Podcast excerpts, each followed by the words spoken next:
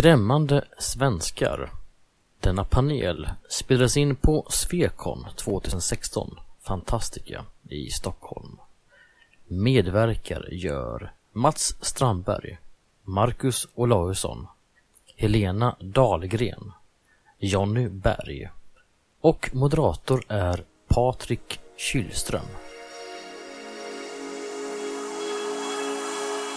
Svekon-poddar. Poddradio från svenska science fiction och fantasykongresser.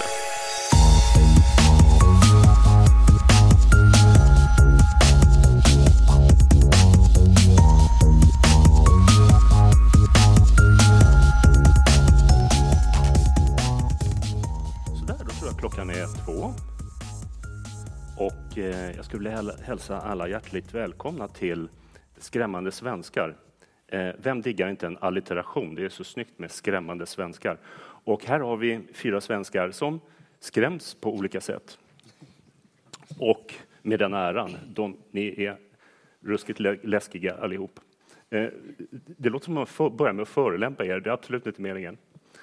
Eh, men i det här sammanhanget när vi pratar om skräck så handlar det just om att man, ju mer man, först, ju mer man, ja, jag ska inte krångla till och börja prata om en massa annat här nu. Ett litet barndomsminne, jag lovar att det ska bli kort. Eh, mellanstadiet, eh, vi är ute på lägerskola. Det känns som att vi åker flera mil, men själva verket så har jag förstått nu när jag är vuxen att det var bara några kilometer bort eh, i en, till en liten plats som heter Påta eh, utanför Åkersberga. Eh, och vår fröken Susanne, eh, vet inte vad hon gör idag, eh, hon berättar en saga, en spökhistoria om eh, en, en plats och en förbannelse och den skulle då inträffa om tio år. Och tio, tio år sedan är idag, skriker hon och då flyger jag upp i luften. Och då kändes det verkligen som jag flög ett par meter upp i luften. Jag förstår ju nu när jag är vuxen och lite tråkigare att det kan inte varit så att jag flög upp i luften, men, men det kändes verkligen bokstavligen som att jag gjorde det. Och bra skräck är ju på det här sättet att man tycker att man, eh, man får det här stora pirret. Eh, man förflyttas en bit utanför sig själv. Eh, jag tänkte att jag börjar med att presentera er och sen pratar vi lite grann om eh, vad skräck är och varför man skriver skräck och om det finns någon svensk skräck. Eh, och enklast är väl att börja från vänster till höger. Och eh, längst till vänster, eh, förutom jag då, som är bibliotekarie på Stadsbiblioteket och älskar skräck, så har, har vi här Marcus Olausson. Ja, och där var ljudet. Ehm, jag är eh, västkust... Bo är jag väl kanske inte riktigt, men jag är bohuslänning ursprungligen. Bor utanför Trollhättan numera, på en liten gård.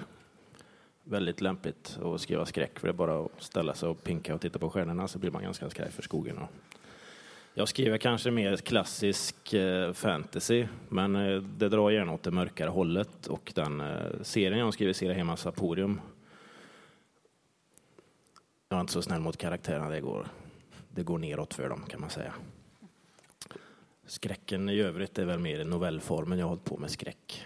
Och har en skräckroman i byrålådan som jag hoppas få tid över till här nu. Men jag har kanske för många projekt alldeles precis nu. Men nästa år då ska jag ta tag i den. Och då blir det lantisskräck. Men jag hoppas verkligen att vi får se den romanen, för dina noveller som är med i olika antologier, där, där blandar du ju olika genrer friskt. Så det är science fiction och skräck, det är en spökhistoria i den här Anno, Anno Bitch Ja. och eh, steampunk i, i den här st- steampunk-antologin. Eh, man borde vara två. Precis. Skräcken finns alltid där som en härlig krydda tycker jag, oavsett vilken genre. Sen skräck i sig kan ju vara en egen genre. Men den kan ju även funka science fiction och fantasy.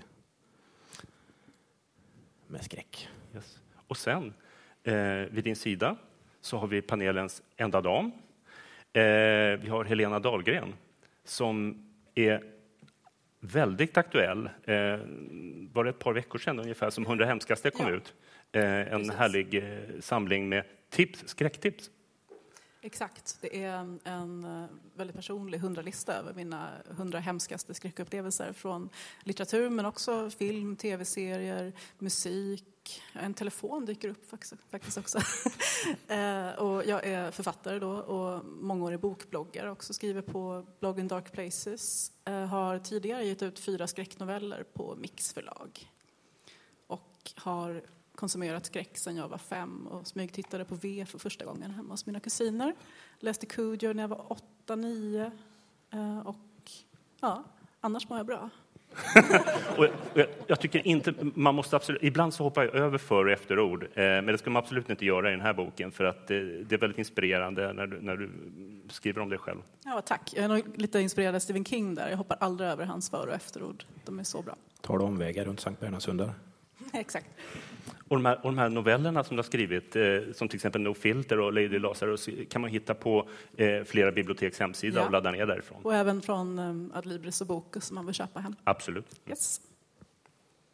Och sen, eh, förlåt det var nästan så att du fick pre presentera dig själv där Jonny.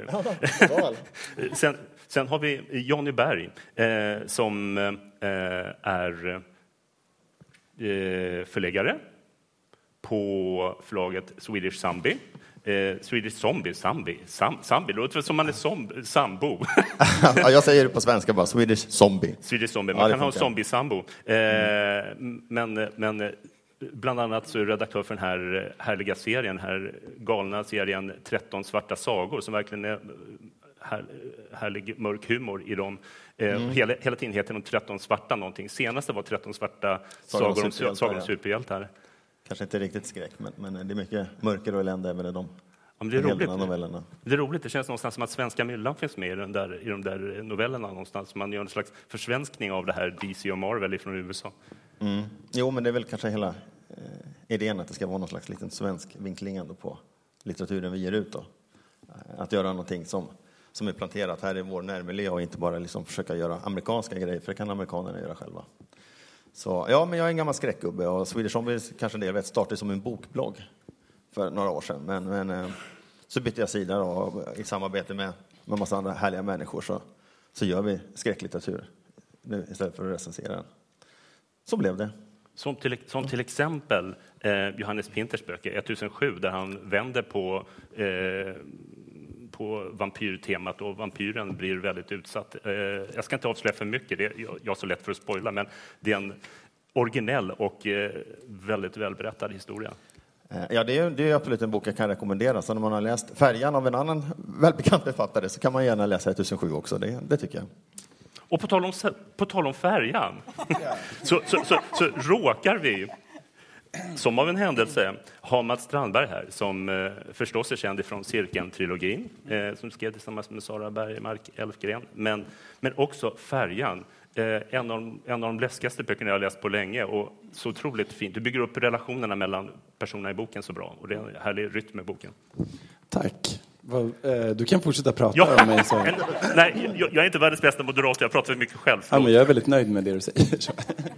eh, nej, men vad ska jag säga? Jag, eh, du sa ju innan att det lät som att du förolämpade oss när du sa att vi var skrämmande. Och man blir lite sadistisk när man håller på med skräck. Det är den bästa komplimang man kan få när folk inte har kunnat läsa klart boken eller, eller har mått dåligt i största allmänhet och gråtit och sådär.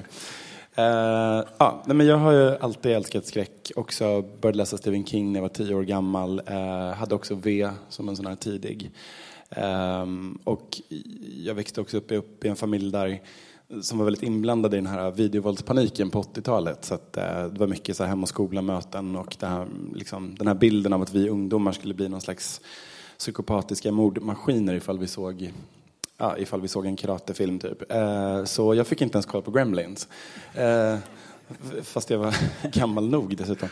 Eh, så jag tror att det har bidragit också till att skräck, alltså det var väldigt laddat och väldigt förbjudet och väldigt lustfyllt härligt. Så jag tror det är faktiskt en väldigt stor del av att, att, ehm, att den är så, ligger mig så nära nu. Att, att, den, eh, att den representerar något väldigt förbjudet och härligt för mig fortfarande. Och jag kan inte låta bli att tipsa också om att du har skrivit Monstret i skogen. Eh, första delen är en serie böcker för barn. Och om, ja. man vill, om, man vill, om man vill vänja, vill vänja barnen vid skräck så kan man börja lite Precis. försiktigt med Monstret i skogen. Jag, som, jag ska bara säga att den heter Monstret i natten. Ja, men förlåt, förlåt. Ja, nej, men absolut. eh, ja, men den är väldigt rolig. Jag ville liksom att um, vår generation föräldrar ska ha lite roligt när de läser boken också. Så att, eh, om, de, Det om, har de, vi. om de läser högt. Ja men tack. För det, jag gillar ordvitsar och jag gillar 80-talsskräck. Så det finns väldigt mycket referenser till Fredag den 13 och eh, ja, all möjlig skräck egentligen. Så här, mer eller mindre långsökt kan man ju säga. Det finns, eh, då, eh, till exempel så heter ju huvudpersonen Frank Sten. Det är inte så svårt att lista ut varför, men hans föräldrar heter Marie och Kjelle. Mary Shelley. Eh, ja, så där håller jag på. Så att, eh, mm. Och det är jätte, den, är, den är jättefin när han bara vill gå fram och, och, och hälsa på de andra och de andra springer bort. Det är, det, det är bra berättat. Ja. Spoilade den nu? Kanske lite? Absolut inte. Nej, jag tycker bra. man får spoila en barnbok, det är helt okej. Okej. Ehm, ja, vi har redan börjat boktipsa lite, det är bra. Ehm, men för, för lite mer än tio år sedan så kom, kom ju eh, John Ajvide Lindqvists eh, första skräckhistoria. Eh, och sedan dess så känns det som att det har hänt någonting, att, eh, att vi har fått en mer ehm, inte oli- ja, men lite, lite, lite, lite större flora av skräck, lite mer variation på skräcken och att skräcken har blivit mer accepterad. Ehm, är det så? Ehm, känns det som att eh, det är lättare att publicera? Hade till exempel Färjan som du skrev nu, hade den kunnat ges ut? Har, du haft, eh, har du haft diskussion med förlagsredaktörer och så om det, om det som du har velat skriva i boken? Alltså förlaget var ju... Cirkeln-trilogin gick ju så fruktansvärt bra så att när jag gick till förlaget och sa att jag ville prova skriva skräck så var jag lite så här, mm, undrar hur det här kommer att gå. Men de, de blev överlyckliga och tyckte det var skitroligt. Liksom. Ehm, jag skulle definitivt säga att det har hänt supermycket. Ehm, jag tänker bara på just med Färjan till exempel, att den blev en följetong i Svenska Dagbladet förra sommaren. För att det är liksom huggsexa på förlagen om vilka som ska få in sina böcker som följetonger i DN och Svenskan. För det är ju, eh, det ska ju vara de här stora breda underhållningsromanerna så att alla vill ju vara med där. Det är skitbra reklam liksom att synas i tidningen varje dag en hel sommar. Och jag tror inte att Svenskan hade valt en så här blodig splatterfest på det sättet. Ehm, och att John Ajvide blev August-nominerad tror jag inte heller hade hänt förut.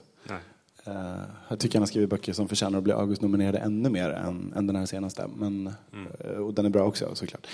Nej, men så, jag tycker det verkar framförallt också finnas en, um, ett erkännande av genren på ett annat sätt. Att att den är lika, att det, att det lika gärna kan vara en skräckroman som någonting annat?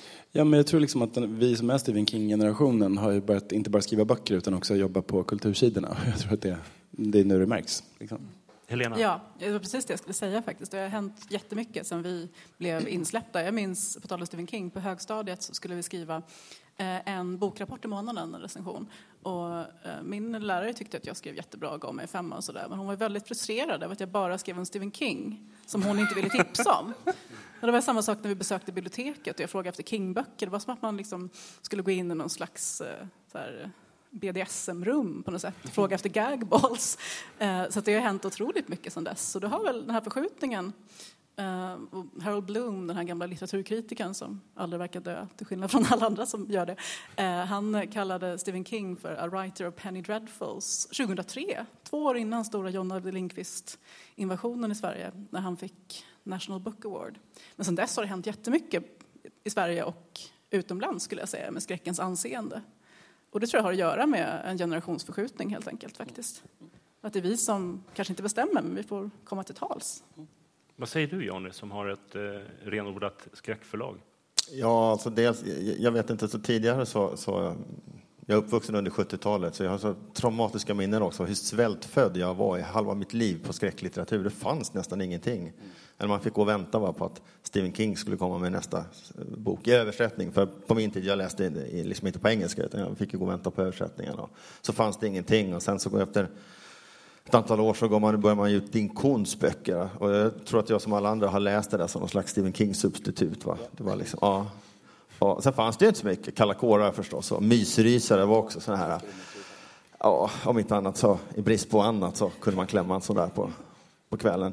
Men det finns flera aspekter av det här. Det handlar väl dels också om att förlagen förr tidigare, de stora förlagen har varit tråkiga naturligtvis. Jag, jag har surat i många år och tyckt att kan de inte bara ge ut lite roliga grejer liksom? Och att det så funkar. Och det, det tror jag som, att, som Helena säger att vi som har vuxit upp med Stephen King, vi liksom är som medelålders nu, eller jag är det, ni ungdomar är lite yngre, men, men, men alltså de som har vuxit upp med Stephen King och filmer som Huset som Gud glömde och grejer liksom är ändå min ålder, börjar närma sig 50 faktiskt och är köpstarka och läser många gånger väldigt mycket.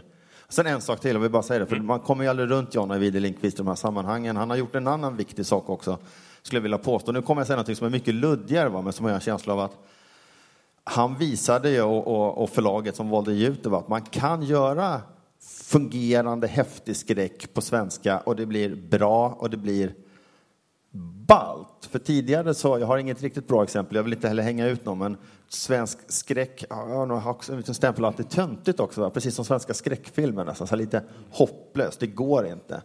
Eh, och det går ju liksom alldeles utmärkt. Och nu har Mats kommit med den goda smaken och blodar ner till och med en hel Finlandsfärja liksom. Eh, fantastiskt. Vi slipper glittrande vampyrer. Ja. Marcus, du såg ut som du hade någonting. Nej, jag Jo. tänkte jag vill egentligen tacka Jan Ajvide Lindqvist för eh, han fick mig att känna att kan en svensk skriva så bra skräck så kan ju en svensk göra bra fantasy också. Ah, Vi ska bara få alla andra att fatta det. Men eh, jag, jag tror det var en ögonöppnare att eh, i Sverige kan vi faktiskt författa fantastik. Mm. Sen har det tagit tio år tills det vi är idag och det är fortfarande bara i början. Men det, det kommer bli stort. Känns det som att det är början? Eh, att, att, att det, inte- det är inte en peak utan det finns ännu mer som är bakom och kommer, Det, kommer, det kommer välla fram? mer. Ja.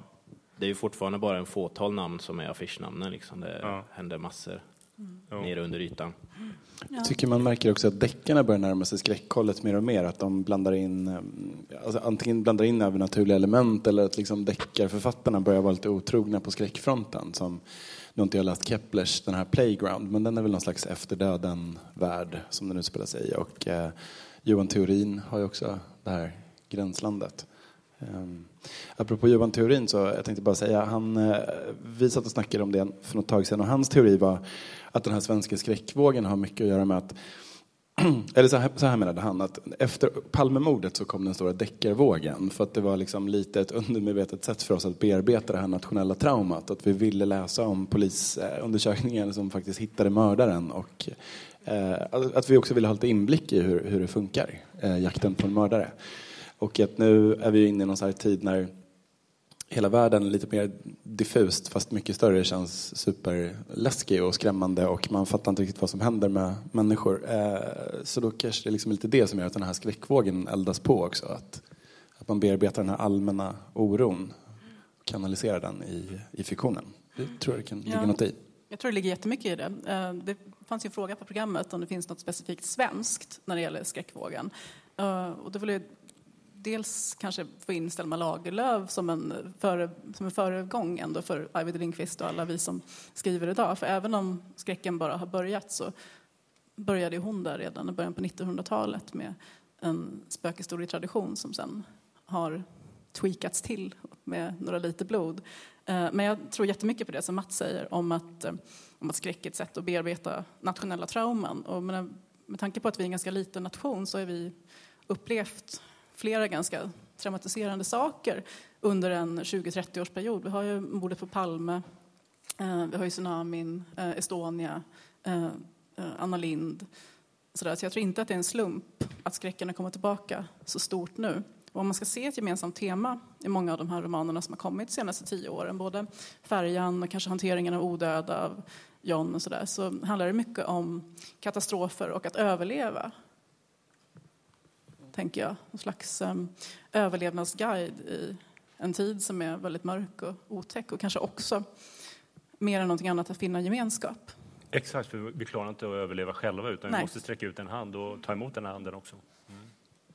Det, det låter lite nästan mjäkigt att säga det när man pratar skräck, men, skräck, men skräcken, är, skräcken ligger nära till hands mot, till, till, till empatifrågor, tycker jag. Ja, ja, jag tycker det. Jag har fått den här frågan nu flera gånger sedan eh, min bok släpptes här en veckan. Men, eh, men varför läser du skräck när världen ser ut som den gör? Och, och tycker du inte att det är otäckt? Och du som verkar så snäll och sådär. Men jag tänker på samma sätt som att, hård, samma sätt som att hårdrockare, det vet ju alla, är jättesnälla. eh, Så är ju skräckförfattare jättegulliga också. Det är som Frank i din bok. Vi vill ju bara gosa liksom. Vi vill gosa alla fyra. Ja, Tänk hur vi hade varit om vi inte hade skrivit. exakt. Marcus, du kommer precis ifrån Iron Maiden. Eh, det låter som att du var med i bandet, men, men, men, men från konserten som var igår. Eh, hårdrockare är människor de också. Hårdrockare är de snällaste konsertbesökare jag vet faktiskt. Ja. Jag har aldrig varit med om en enda incident på en enda konsert eller festival någonsin med hårdrockare. Mm. Så det är svårt att skriva en bra skräckroman om hårdrockare kanske? Ja, du har ju, i och för sig, du har ju... Ja, Det har Anu. Anubic är ju hårdrockare Ja. i och för sig. Ja, Det handlar om ett, eh, ett hårdrocksband, tjejer som ska spela in den, den här lite jobbiga tredje plattan. De håller precis på att slå igenom så de har hyrt, hyrt en gammal ödeskåk utanför Hallandsåsen och har precis fått in en ny tjej som eh, en basist som är ny i bandet. Hon ska försöka hitta sin plats i bandet och det skär sig ganska mycket där. vi ska inte avslöja någonting, men det är jättebra. Det, det, det är en men- bra Hemsökta huset-historia. Jag tänker så här, att skräck är ju för mig liksom en, en, en litterär genre som handlar väldigt mycket om känslor. Alltså, man vill alltid ha en fräsch, härlig idé bakom historien, men ändå att det är, det är väldigt, väldigt känslostyrt. För mig i alla fall, jag själv som läsare är väldigt intresserad av att, att liksom uppleva känslor när jag läser. Jag är inte lika intresserad av tekniska fakta. Jag är ofta ganska lättlurad när det kommer till om hur man gör för att starta en bil eller inte. Alltså jag, jag är väldigt oteknisk. Eh, och det tycker jag liksom, det finns väldigt många skräckböcker, allt från John Ajvides böcker då, till Färjan, 1007, Christian Johanssons Skönheten, eh, eh, en massa andra böcker som vad vi gör i Sverige som, som blir så bra på precis egentligen samma sätt som man länge liksom med framgång har gjort inom deckarna. Och det hamnar man ändå där att vi har så lite skjutvapen gudskelov än så länge i samhället. Va? Så att det blir ju ändå väldigt bra psykologiska draman då när, när människorna som utsätts för att det dyker upp då vampyrer på båtresan eller någonting inte kan börja panga på en gång. Va? För då blir det bara action av alltihopa. Eh, ja, så tänker jag. Vi som bor på landet har skjutvapen. Just saying. Men har ni licens? Ja. Okej. Ehm, men, men, men en sak som jag, jag, jag, det här kanske är inbillning, men jag har plöjt igenom era grejer i möjligaste mån nu inför, inför det här samtalet och eh, jag tycker att det, bara en tes som jag har när det gäller den svenska skräcken är att, eh, att den är lite grann som den, de engelska serierna det här blir lite krångligt resonemang, jag är ledsen. Men de engelska serierna som, som gjorde sin grej av superhjälteserierna i USA gjorde det med en twist, med, gjorde någon slags bisarr, eh, eller, eller eh, någon slags pastischer, någon slags parodier på den här första grejen. Och lite är det så att det är mycket tongue in cheek, det är mycket humor också i de här eh, svenska och anspelningar till, till, till någonting som man känner igen. Men det är väl det här att vi växte upp med V och Koons och allt det andra så att man smyger gärna in det här någonstans som en liten hej, vi kompisar emellan. Ja, det är som en sjukdom nästan. Mm. Där. Att, att man ska. Ja, ja, men precis. Min- Mina barn som sitter där fram, de lärde sig ordet meta när de var tre år. Okej. Ja, nej men absolut. Det finns ju mycket humor i skräck och det är ju viktigt också. Eh, och jag håller absolut med dig Jonny om att eh, skräck är känslor. Det är därför som jag tycker om att vistas i skräcken överhuvudtaget. Att det är så stort och så mycket att man inte behöver hålla igen. För det känns som att hela livet måste man gå omkring på tårna och vara lagom och inte sticka ut och göra ett lagom bra intryck och sådär. Man är ju fortfarande tror jag, ganska präglad av ja, jag vet inte vad jantelagen finns överhuvudtaget, men att växa upp under 80-talet som många av oss gjorde innebar ju att man skulle vara på ett visst sätt. Och var man inte så, så var det väldigt skönt att ha en tillflyktsort i skräcken där allt kunde hända. Och, Sen är det också en väldigt outsidervänlig genre Ja. också. Förlåt, nu kanske jag avbröt dig. Nej, eh, men eh, jag, jag tror det var det som tilltalade mig mycket. Att liksom, det var ju aldrig liksom, den populära tjejen eller sportkillen som överlevde fredag den 13 filmerna utan det var ju liksom den som ingen riktigt trodde på. Sådär. Ehm, och jag, jag vet också att jag kände mig mindre ensam av att, av att konsumera skräck när jag växte upp. Att, att liksom det fanns andra som gillade att som överhuvudtaget kunde relatera till hur det kändes att vara rädd för saker. För det var ju sånt man inte vågade prata om, i alla fall inte i min så här, bruksbygd, 80-tal. Liksom. Ehm, så det, det kändes som att man hade en flock på något sätt. Ehm, Ja. Det var mycket av grejen för mig faktiskt. Det blev som ett sätt att kanalisera aidsskräcken och allt som hände också Ja, när man var mycket liten. sånt, precis, Väldigt ja. mycket sånt. Det blev som en, uh, en slags queer, queerifiering av världen i en värld som inte tillät det riktigt, tänker jag. Mm. Ja, men definitivt. Ehm, men sen tycker jag det är spännande det här med känslor också. För de, det finns ju en teori som heter, alltså som går ut på att här, porr, eh, melodrama och skräck är kroppsgenrer. Att man vill framkalla en fysisk reaktion hos läsaren. Och att det också handlar mycket om kroppsvätskor som skvätter eh, från olika ställen. Ehm, och jag tycker det ligger mycket i det och det kanske också är, det är väl kanske ingen slump att just de tre genrerna är ganska illa ansedda generellt. Men eh, för att de inte liksom så mycket intellektuella övningar på det sättet. Men, men det är det som jag gör att, eller gör att jag tycker att ja, i alla fall skräck är väldigt härligt att eh, både konsumera och skriva. För man får ägna sig åt den här, det är så mycket närvarokänsla i det och det är så mycket, eh, ja, men det det är det här eh, känslopjunket som jag älskar. Jag fick en väldigt bisarr bild nu när du sa kroppsvätskor flyger. Jag tänkte om de bytte plats var de kommer ifrån kroppsvätskorna så blir det ganska otäckt. Mm, Men en annan sak, det här med humor och skräck, du, att du, Nu får min en, fantasi spinna. Okay. Du får ju, om du växlar från humor till skräck så blir det mycket mer dramatiskt än om du bara dunkar på fullt artilleri hela vägen. Så då mättar man ju läsaren eller Kommer dunka tittaren. på med fullt artilleri så menade du inte porr då, eller? Förlåt, jag kunde inte låta bli. Förlåt, Det är öppet för Förlåt. tolkning. förlåt Helenas barn som sitter längst fram. Det Ja, finns de, de är humor vana, det var mig som mor. Nej, men det är den här berg och dalbanan, det här långsamma knirrandet, det där klick, klick, klick, klick, klick när man åker upp för berg och dalbanan. Så vet man att man kommer gapskrika sen när man åker ner igen. Ja. Ja, alltså jag, jag har en teori eh, som eh, Linda Skugge lanserade för mig för ett tag sedan när hon läste min bok. Eh, för hon, hon har aldrig blivit, hon har liksom delat många av skräckupplevelserna men aldrig blivit lika rädd som jag. Jag kunde inte lyssna på Nick Cave när jag var ensam hemma till exempel för att jag tyckte det var så jävla otäckt första låten på Murder Ballads. Och hon sa att hon tror att skräck skräcknördar är kittligare än vanliga människor. Och det går ju lite grann ihop med det här taktila, kroppsliga. Så jag vet inte, tror ni att det stämmer? Är du kittlig? Ska vi börja kittla varandra? Ja, jag är inte så farligt ändå faktiskt. Jag vet inte, men det var intressant. Ja. Min sambo är Nej. jättekittlad. Det kan vara, hon tycker inte om att se skräckfilmer. Det kan hänga upp på att hon kanske är, det blir för mycket då, eller jag vet inte. Ja, men du ser. Jag är avtrubbad så jag kan, man kan inte kittla mig heller.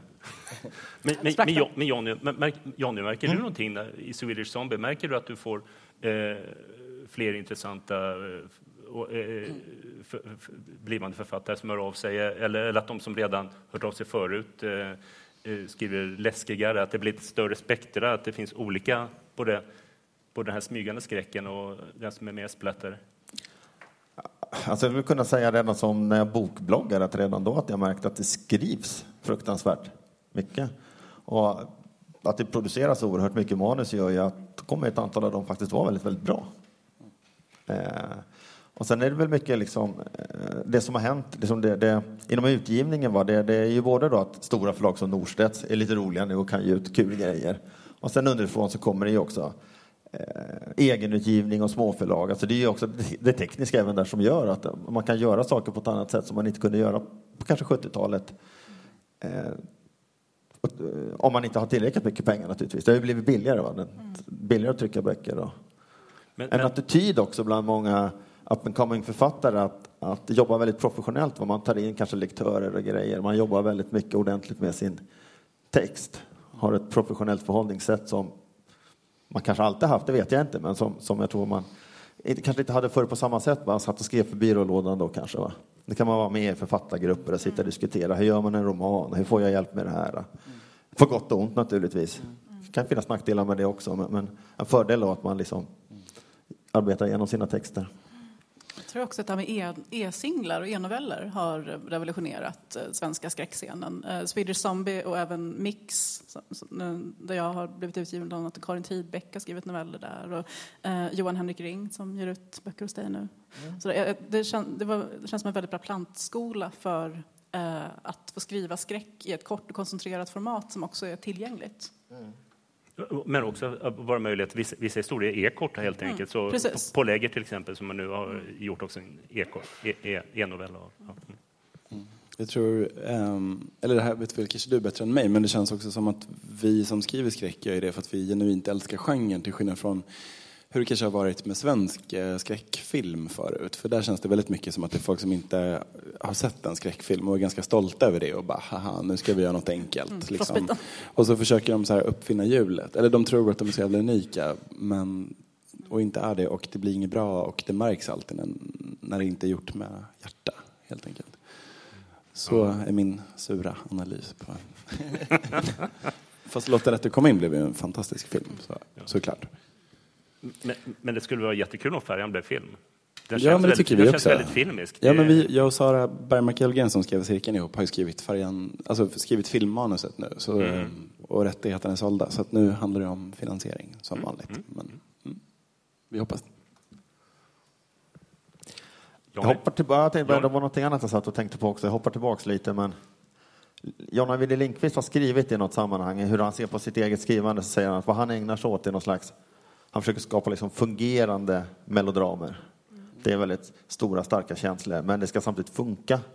Och, och det, det, är nog liksom, nu är jag tillbaka till mitt eget skräckläsande, det är, det, liksom, det är de här fungerande melodramerna som jag går igång på.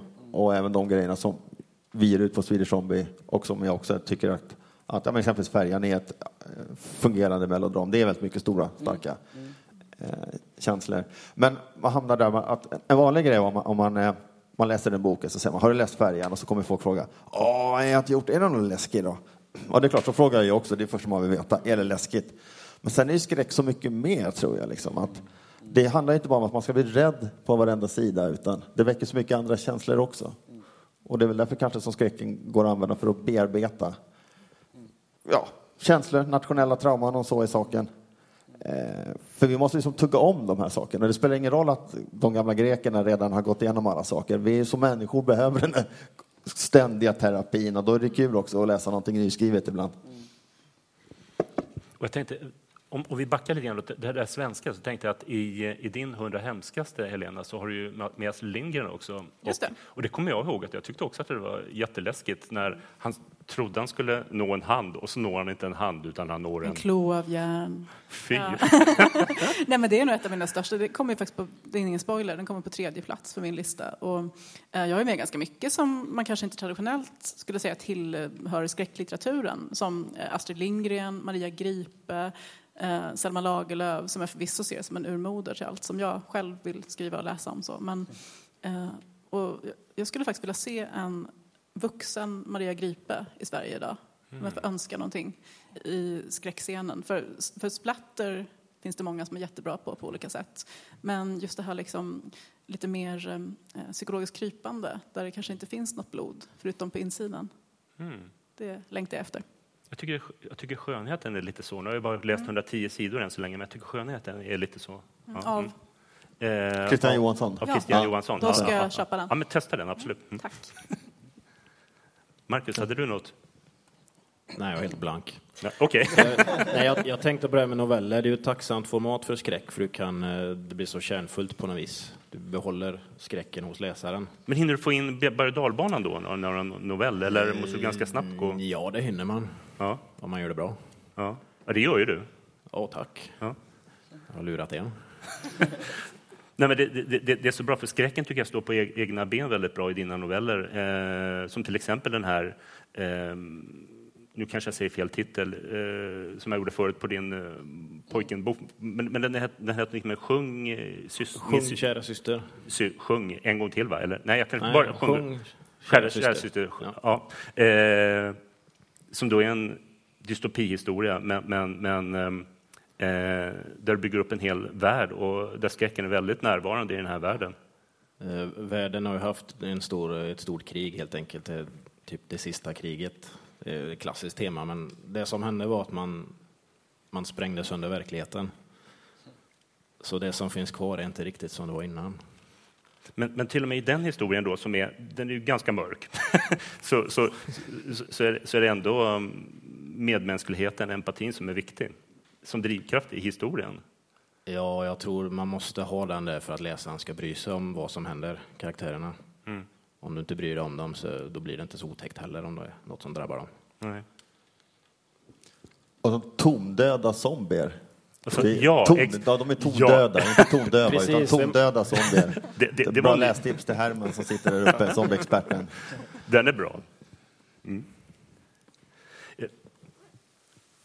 Jag, jag funderar på om vi ska släppa in publiken, fast är det kanske lite för tidigt att göra det? Ska vi vänta några minuter till? Är det för tidigt? Vi kan göra det, okej. Okay, ja, ja, ja. Eh, om det finns, eh, jag tror att det kanske är någon minut kvar egentligen, men om det finns någon fråga? Just det, och vänta till mikrofon, därför att annars så hörs ni inte. Man tror att man hörs bara för att man hör sig själv. Man hör inte att de andra inte hör. Där har vi första. Vi kör lite Ricky Lake-grejen med Ja, och med gud, jag har alltid velat mikrofon. vara Ricky Lake. jo, eh, en fråga om humor. Är det inte ett problem att humor eh, fördriver skräcken och gör det mindre otäckt. Hmm. Att den ironiserar och drar ner skräcken, eller? Ja ja. Hur, sk- ett rejält skratt lättar stämningen. Det är därför folk drar dumma skämt och saboterar skräckfilmer som man sitter och tittar tillsammans. Bra fråga. Jag jag tror att det beror väldigt mycket på hur man gör det. Alltså, eh, det behöver inte bli Stefan och Krister-buskis, liksom, utan kanske snarare att man lägger in, som jag tycker John Ajde Lindqvist är väldigt bra på, man lägger in absurda humorelement som den här GB-gubben som är med i en av hans böcker. Det är ju faktiskt väldigt roligt och samtidigt väldigt läskigt. Eh, Men jag kan känna själv som skräcknörd, det är en stor fara det här att man hamnar i en slags självrefererande wink-wink nudge-fälla hela tiden. Ja, hela 90-talet kändes ju väldigt mycket så på skräckfronten. Särskilt efter Scream. Jag tyckte själv att det var urtråkigt. Ja, det kom bara massa skräckkomedier. Hemska ordet. Skräckkomedi gör eller, inte sånt. eller metagrejer. Anomali. Och om man skriver en skräckkomedi så kommer inte du ge ut den. Uh, nej, det kommer en, en bok i höst som är lite skräckkomedi faktiskt, som heter Ingrid. Men alltså, vad- med humor så tänker jag nog så här att den behövs eh, om det görs på rätt sätt. För det kan inte vara läskigt hela tiden. Och det kan inte vara mörkt hela tiden. För, för då blir det liksom för mycket. Man, då kan man inte ta in det. Man måste ha, liksom, kalla det för andningspauser eller någonting som det, liksom, det hemska kan eh, spela emot eller spegla sig i. Du kan inte skriva 300 sidor skräck, så enkelt tror jag i alla fall, där allting bara är läskigt från första till sista sidan och det är bara eländigt hela, hela tiden. Eh, Sia Håkansson kunde det med Fjärilen i Tibet exempelvis. den är helt vidrig. Ja, eh, Underbar. ja, och rätt deppig bok, men Ja, men liksom, ja, precis. Jag tycker det beror på historien. Jag kände ju så med Färjan till exempel att jag, jag, jag gillar ju inte skräckkomedier som sagt, men jag vill ändå... Någonstans är det ju ändå en bok om eh, vampyr-outbreak på en Finlandsfärja. Man måste ju liksom bara få vara lite sådär, det är ju vad det är liksom. Och det uppstår ju mycket humor i automatiskt på något sätt. Så eh, lite kan ju få sippra in. vad heter han schlagersångaren där? Det, det Dan. mycket med honom som blir kul tycker jag. Ja, Dan. Dan Appelgren. Ja. jag är väldigt förtjust i honom. Feber i mitt hjärta. Som feber i mitt hjärta. Ja. Det. det kommer bli en hit. Eh, ja, det är en, en anledning till att jag vill att det ska bli film. Det är att jag vill liksom göra den här låten. att någon ska tonsätta min fantastiska text. Vem ska göra det? Har du tänkt Och vem det? ska sjunga? Eh, alltså, vi vet ju vem vi vill ska spela Dan, så det kan jag inte säga. Men eh, vi är, alltså Ludvig Andersson som är Bennys son. Eh, Benny och Ludvig producerade ju Cirkeln-filmen och eh, Ludvig är ju jätte, jättebra musiker. Jag kan rekommendera hans band Atlas, det finns på eh, Spotify. Eh, men jag vill att han ska göra en riktigt, riktigt cheesy schlagerdänga, helt enkelt. Det vore skitkul.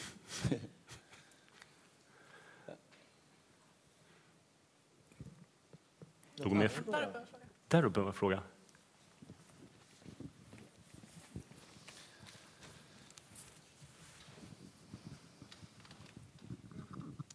Ja, hur går det för svensk skräck internationellt? Ajvide Lindqvist har det ju gått bra för, men eh, hur ser det ut i övrigt? Ehm, jag kan ju börja svara. Eh, Jag vet att Jenny Milewskis, den här skalpelldansen, har gått jättebra i Tyskland till exempel. Eh, och det kan väl förhoppningsvis hända, få, få ripple effekt. Uh, Färjan är såld till åtta länder, uh, precis kommit ut i Danmark där den går jättebra. Så att vi får väl se lite grann. Har vi några exempel förutom John som är...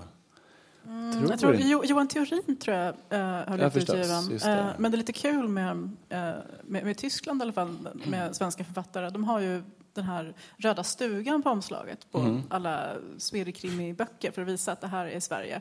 Och de har börjat med det såg jag på skräckböcker också. Jag vet inte Har för de det var Jenny. Skalpelldansen? På de- Skalpelldansen har man en liten så här jättegullig röd stuga. Lite Grummet tvättsåpa-reklam. Jag tror till och med Therese Boman, som absolut varken skriver skräck eller deckare, fick en sån här röd stuga till sin debutbok. Ja. Jag tror Anders Fager också är Ja. på gång utomlands. Just det, han, han är jättebra. Två på franska, okej. ja. Ja, och jag läste en jättebra och lång initierad analys på en amerikansk fantastiksajt eh, just om eh, Anders Fagers Furin i Borås. Som jag skriver om också i 100 hemskaste. Jag blev jätteglad över att läsa det. Så, så det känns som att någonting är på gång Okej. utomlands. Och sen har vi som sagt deckarvågen. Jag, menar, jag älskar Åsa Larsson. Jag gillar inte deckare, men jag älskar Åsa Larssons böcker. Och hennes den här deckarserien blir faktiskt mer och mer övernaturliga inslag i. Ehm, och Johan Theorin som sagt. Och, och Kepler, jag vet inte. Men, ja. Johnny? Ja, jag försöker komma på om det finns Ja. de med. Jag vet inte riktigt. Amanda Hellberg har kanske översatts lite om man tycker att hon skriver skräck. Det hoppas Tror jag man i alla fall. De är jättebra. Ja, och Janet Juko kommer väl också på tyska har jag fått för mig. Mm, Nu kanske men det är gör det. det. Ja, just det. Ja, just det. Ja, annars kan jag inte komma på någonting direkt sådär. Men du har ju några i ditt stall om jag får säga så, som till exempel Pinter skulle ju tycka skulle det finnas intresse för. sådär. Ja, absolut. Eh, Det får någon annan göra det. Jag Ja, ser ja, inte ja, ja. utomlands. Jag har inte sådana kontakter. men men det, det tror jag ju. Men Johannes Pinter kommer ju komma ut på eh, Piratförlaget med någon slags skräckdeckare som han har skrivit tillsammans med Mattias Leivinger. Det första det. Det. trilogi va, där de liksom mixar lite deckargrejer och skräck. Skräckare tycker jag du Ja, borde heta. skräckare, ja men precis. Och det, det kommer säkerligen gå bra. Då har de ju ett stort förlag i ryggen dessutom. Så. Och de har samma agenter som jag så det kommer gå skitbra. Ja, just det. Brand. Ja, det blir bra. Mattias Leivinger som skrev den där Freudland som är en väldigt skruvad historia. Den är, Ja, den är inte läskig men den är väldigt konstig och bra.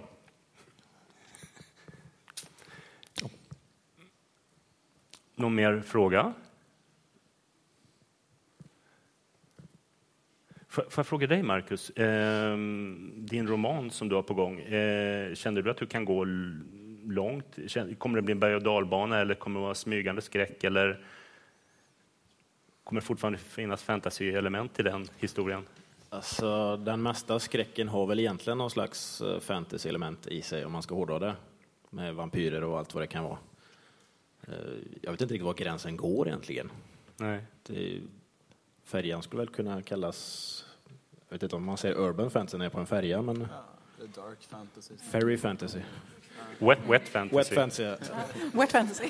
Men eh, eftersom jag själv upp, något jag är uppväxt på landet och har bott i stad, jag har bott i Göteborg och Stockholm och nu bor jag ute på landet igen. Och så det, det kommer handla om en tjej som precis som mig går in i väggen och återvänder hem för hennes pappa har dött och det händer en massa skumma saker ute på landsbygden där. Jag kommer varg till byn. Och det, det rör om i grytan rejält. All right. Det, är sån här, det kommer vara stigande spänning som kulminerar krypande. Plus psykologiskt, för hon är inte riktigt som hon ska i huvudet. Då. Det, vad det var det egentligen. Det låter, det låter bra. Det blir en uppgörelse med mig själv. Så det, Ja. det var kanske därför jag tvekat lite med att skriva den. Jag behöver, Ah, för att den är för nära? ja, lite så. Ja. Men samtidigt måste det vara bra att gräva där man står? För det, det var någon bok som jag läste nyligen. Ja, men det var nog Pinters som, som skrev i sitt eh, för eller efterord till 1007 någonting om att eh, han, han, han sa, någon hade tipsat honom att eh, pusha, honom, det kanske var du, om att eh, ja, men använd, dig själv, använd dig själv och använd ditt eget liv. Så att eh, det är väldigt mycket av Pinter i den här eh, stackars vampyren som är tvungen att gömma sig för ljuset. Precis. Det var någon annan klok person som har Okej, sagt men det var någon fall klokt som- sagt, mm, Absolut. Ja, nej, men just eh, skräckförfattare får ju sällan frågan om man skriver självbiografiskt. Och ändå är det väl kanske vi som gör det mer än någon annan, kan jag tänka mig. Eh, men I synnerhet kvinnliga författare inom eh, traditionella romaner får ju alltid frågan om det är självupplevt, om man tar från sitt eget liv och sådär. Men väldigt sällan som skräckförfattare får höra det. De är rädda för svaret kanske. Ja, förmodligen. Jag, jag tänkte när jag var i Edinburgh en gång på, på deras eh, litteraturfestival där, rekommenderar för övrigt den, den är väldigt bra, eh, så, så lyssnade jag på Shana Mieville bland annat och då, då sa han att han, han var inte så förtjust i det. Eh, han blev intervjuad av någon som jag inte kommer ihåg vad han heter, som också skriver böcker. Eh, men, men, men han, Shana Mieville var inte, var inte så intresserad av det här med genrelitteraturen för att han ville i första hand helt enkelt bara skriva en bra historia. Men, eh, och jag vet att en del till och med menar rent tekniskt att skräckromaner är inte en egen genre och sånt. Fast det är väldigt praktiskt på bibliotek att ställa dem på en e- särskild skräckhylla. Ehm, men jag tänkte det måste åtminstone ur konsumentsynpunkt, eh, med tanke på läsarna, vara bra att ändå säga vad som är vad. Eller, det här var en jättedum självklart fråga. Eller, eller, eller, eller, eller är det så att genren inte spelar någon roll, man har en bra historia på gång och sen eh, bara drar dit den vill berätta, eh, vill bli berättad. Jag skulle ju, jag, jag gillar ju gränslöshet. Så att jag tycker väl inte nödvändigtvis att, det är väl möjligen som en slags konsumentupplysning för läsarna. Ja, precis. Ja. Snarare, alltså jag tror, alltså ur författarsynpunkt så, jag tror att det är väldigt få, jag hoppas i alla fall, som sitter och säger att nu ska jag skriva en eh, urban fantasy eller nu ska jag skriva en eh, liksom, hård sci-fi. Det, det blir väl vad det blir, tänker jag. Och medan fantastik, det är, jag tror att det var Neil Gaiman sa något jättebra i ett förord till H.P. Lovecraft, eh, en novellsamling som kom ut för några år sedan. Att, uh, minns jag inte exakt, men i fantasy Någonting om att fantasy och skräck är twin cities uh, divided by a deep dark river. Och så är det Lovecraft som leder dem mellan varandra. Det tyckte jag var fint. Den är bra. Men- får, du, får du folk som hör av sig till dig, Johnny, som, som du kä- känner att det här är inte riktigt min grej, min på... Eh, vad sa du? Eh, mig eller? Nej, nej, Johnny. Johnny. Har du, får, du, får, du någon, får, du, får du någon förfrågan ibland så säger de, det här är inte riktigt min påse och sen eh, Jo, det är ganska... Jag tror, jag tror alla som driver förlag, både stora och små, får ju grejer i inboxen som... Det har kommit helt fel bara. Folk bara tänker, de läser inte ordentligt. De bara, här har jag hittat ett förlag till och mejlat till. Eller så tänker de, jag ska chansa, för de kommer ändra sig när de får se mitt fantastiska manus. Det är inget problem på något sätt, men, men visst är det lite så. Men vi använder, vi pratar ju om att vi ger ut skräck och rysare. Det är, jag sitter inte och bekymrar mig över om, om det egentligen är då dark fantasy eller urban fantasy. Det ska vara bra böcker. Men man måste ju ändå kalla det för någonting. Liksom. Ja, ja. Och då funkar ju, för om, om du gillar skräckböcker och skräckfilmer, då vet du ju det. Liksom. Eller om du hatar det, då vet du också. Alla vet ändå typ vad, vad de tycker att skräck är på något sätt. Mm, verkligen. Jag, eh, jag satt och gjorde en signering på Akademibokhandeln i Nordstan i Göteborg och eh, jag satt liksom bakom en stor skylt av mig själv. Eh, så det kom fram två tanter och liksom bara, ja den där boken, den stod bland däck. Alltså, ja. Och hon bara, ja det var det bästa bok jag hade läst. Fram till hälften, då blev det den sämsta bok jag har läst. det, det kan man ju fatta liksom. Jag tittade Ja. fram och bara, hej hej. Så här. Hon fick panik. Ehm, Beck, Beck kom inte och fixade allting. Nej, utan, exakt. ja. Jag menar, det är ju alltid skitjobbigt när man får fel förväntningar på en bok. Eh, Så det vill man väl, jag vill gärna undvika det, att den hamnar hos... Alltså dels att den inte hittar till de läsarna som skulle kunna tycka om den, men också att den hamnar hos fel läsare. Det känns ju tråkigt. Liksom. Så Men- jag är för kategorier till en viss gräns i alla fall. Men ska vi vara helt ärliga, vi på biblioteken, vi, vi, vi, vi, är inte riktigt framme heller. För det finns några filialer, till exempel på Stockholms stadsbibliotek, som, eh, som bara, där dina böcker står bland deckarna, vilket är helt galet. Så det borde finnas en skräckhylla på varje bibliotek. Inte Vi bara får ett, skriva mer så att det fyller en hel eller avdelning. hur? Det Inte bara ett skolbibliotek. Vi hjälps åt allihopa, eller hur? Ja. Då får jag tacka så jättemycket. Om det inte är någon sista fråga? Nej, nej. Tack så otroligt mycket för att prata om skräck. Eh, det var trevligt, så jag kan inte säga att det var riktigt så att jag flög upp två meter i luften, men era historier gör ju att man gör det i alla fall. Tack så jättemycket för att ni kom hit och tack. Tack för att ni kom. Tack, tack publiken.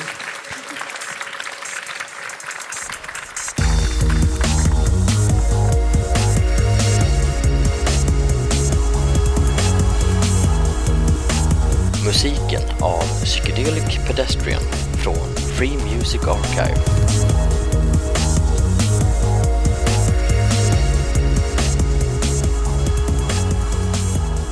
Besök gärna vår hemsida på svekonpoddar.se